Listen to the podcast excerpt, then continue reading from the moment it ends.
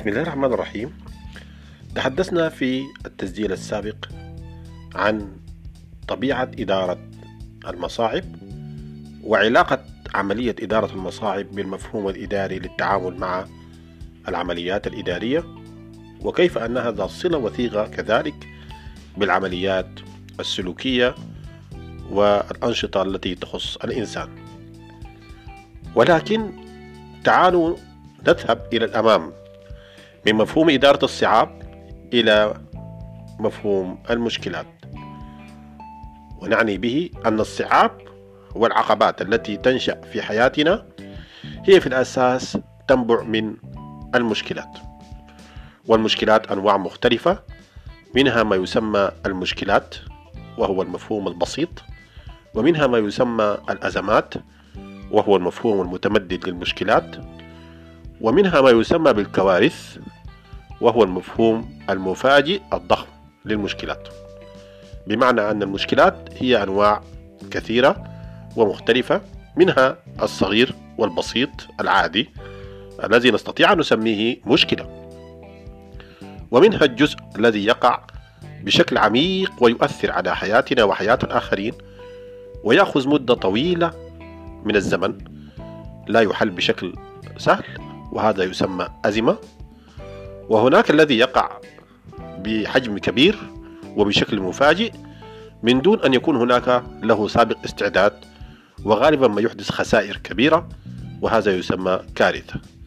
في كلامنا العادي اليومي نحن نطلق كلمة كارثة وكلمة أزمة على مشكلات صغيرة وهذه في حد ذاتها تعتبر مشكلة في توصيف المشكلات وبالتالي خلق العقبات والصعاب في الحياة أكثر وأكثر. سوف نأتي للحديث في التسجيلات القادمة عن الأثر النفسي للتعامل مع المشكلات. ولكن تعالوا كذلك لنسأل سؤالا مهما. هل المصاعب ناتجة عن المشكلات أم المشكلات ناتجة عن المصاعب إن الإجابة على هذا السؤال كذلك تعتبر مسألة مفصلية بمعنى هل المشكلات هي التي أنتجت المصاعب أم المصاعب هي التي أنتجت المشكلات.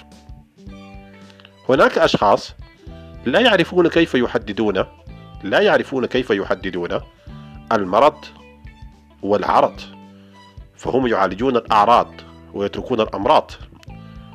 ومن المهم لكل نطاصي بارع وكل طبيب ذكي ناجح أن يحدد بشكل دقيق ماذا يستهدف لكي يعالج. هل المصاعب ناتجة عن المشكلات أم المشكلات ناتجة عن المصاعب؟ فكر فيها وأجبني. فكر فيها وأجبني. لو قلت أن المصاعب الناتجة عن المشكلات إذا المشكلات هي هي إذا قلنا أن المصاعب ناتجة عن المشكلات إذا المشكلات هي هي العرض أو هي المرض عفوا. هي المرض والمصاعب عبارة عن عرض لها أو أعراض. أم أن المشكلات ناتجة عن المصاعب. بمعنى أن المصاعب هي هي المرض والمشكلات هي العرض. علينا أن نحدد بشكل دقيق. هناك أشخاص كثيرين يتجهون إلى التعامل مع العقبات والصعاب أو المصاعب بشكل مباشر من دون حل المشكلات. وما الفرق؟ تعالوا نتخيل أن هناك شخص يريد أن يسير إلى طريق طويلة ليصل إلى بيته. ليصل إلى بيته.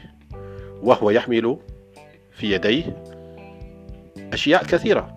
أثقال يحمل أكياسا يحمل كتبا يحمل موادا غذائية يحمل ماذا؟ أشياء كثيرة يحملها في يده. ولكنه يريد أن يصل سريعا إلى البيت. فهو يسير بسرعة كبيرة. وبعد قليل أصبح مجهدا متعبا جلس على الأرض ليستريح قليلا. يتلفت من حوله لعل شخصا ما يساعده لكنه لا يجد أي شخص. يواصل السير وهو يأخذ هذه الأكياس الثقيلة في يده ثم يدعم فيجلس وهكذا حتى وصل في زمن طويل إلى بيته وهو الهدف. هناك مشكلات وهناك مصاعب. المصاعب هي الصعوبة هي الوصول إلى البيت. لم يكن سهلا. إذا ليست هذه هي المشكلة. هذه هي الصعوبة. أن الصعوبة عبارة عن الأثر الذي يترك فيك نتيجة لمشكلة محددة تعاني منها. هنا تكمن القضية. كيف نستطيع أن ندير هذه الصعوبة هل هناك سهولة في الوصول إلى البيت؟ لا أين المشكلة؟ المشكلة في هذه الأثقال التي تحملها في هذه الأكياس الكبيرة أنت لم تخطط من البداية لأنك كيف ستصل إلى البيت بهذه الأكياس وإلا لقمت باستئجار عربة منذ البداية أو لا أخذت معك أحد الأشخاص ليسير معك أو ليساعدك في حمل هذه الأشياء. لكنك لم تفعل كل ذلك. لعلك لم تخطط لذلك واضطررت لشراء كل هذه المستلزمات وأخذتها معك في الطريق الطويل ثم تورطت في هذه المشكلة. ماذا نفعل؟ علينا لكي نصل سريعا إلى البيت لنسهل من عملية الانتقال من هذه النقطة إلى البيت أن نتخذ قرار إما أن ننتظر شخصا ما ليساعدنا. أي نتخلص من المشكلة وهي ثقل هذه الأكياس أو أن نتصل بسيارة أو ركشة لتحملنا بعيدا إلى البيت أو ربما نترك بعض المستلزمات في مكانها ثم نعود مرة أخرى لأخذها هذه حلول وتكون هناك حلول أخرى. أنا فقط أضرب المثال للمشكلة. إذا علينا أن نميز هل المصاعب ناتجة عن المشكلات أم المشكلات ناتجة عن المصاعب؟ الشاب الذي لا يستطيع أن يتفوق في الامتحانات لديه مصاعب يعاني من الصعاب في عملية النجاح لا يستطيع أن يتخطى الامتحانات. في كل مرة يرسب في مادة أو مادتين وبعضهم يترك الدراسة وبعضهم أصابته عقدة من هذه الدراسة الأكاديمية في الجامعات أو المدارس. هذه مصاعب مصاعب النجاح. مصاعب الانتقال إلى مصاف الناجحين.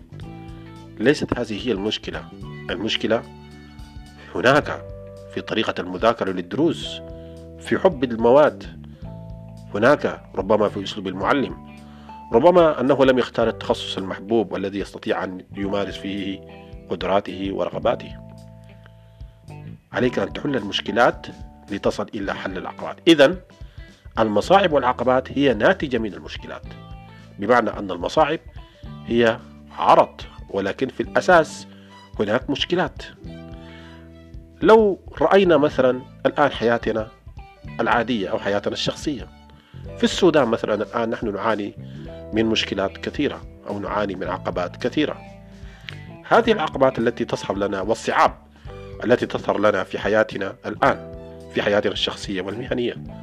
أسبابها هناك في الأزمات الاقتصادية.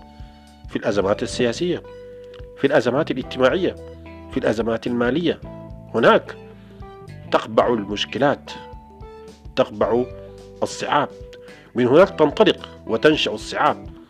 صعوبات في التعامل مع التعليم صعوبات في التعامل مع المواد اليومية للاستهلاك الغذائي صعوبات في الوقود في تحريك السيارات صعوبات في الوصول إلى مكان العمل. صعوبات في التكيف مع الأسرة ومع الزوجة صعوبات في التكيف مع الأبناء. إذا هذه الأزمات وهذه المشكلات ألقت بظلالها ألقت بظلالها على حياتنا الشخصية والمهنية. وما لم يتم تحل هذه المشكلات وهذه الأزمات على مستوى طرق إدارة حل المشكلات فإن هذه الأزمات وهذه الصعاب سوف تتزايد يوما بعد يوم أو نقوم بحلها لنصل إلى الطريق السليم.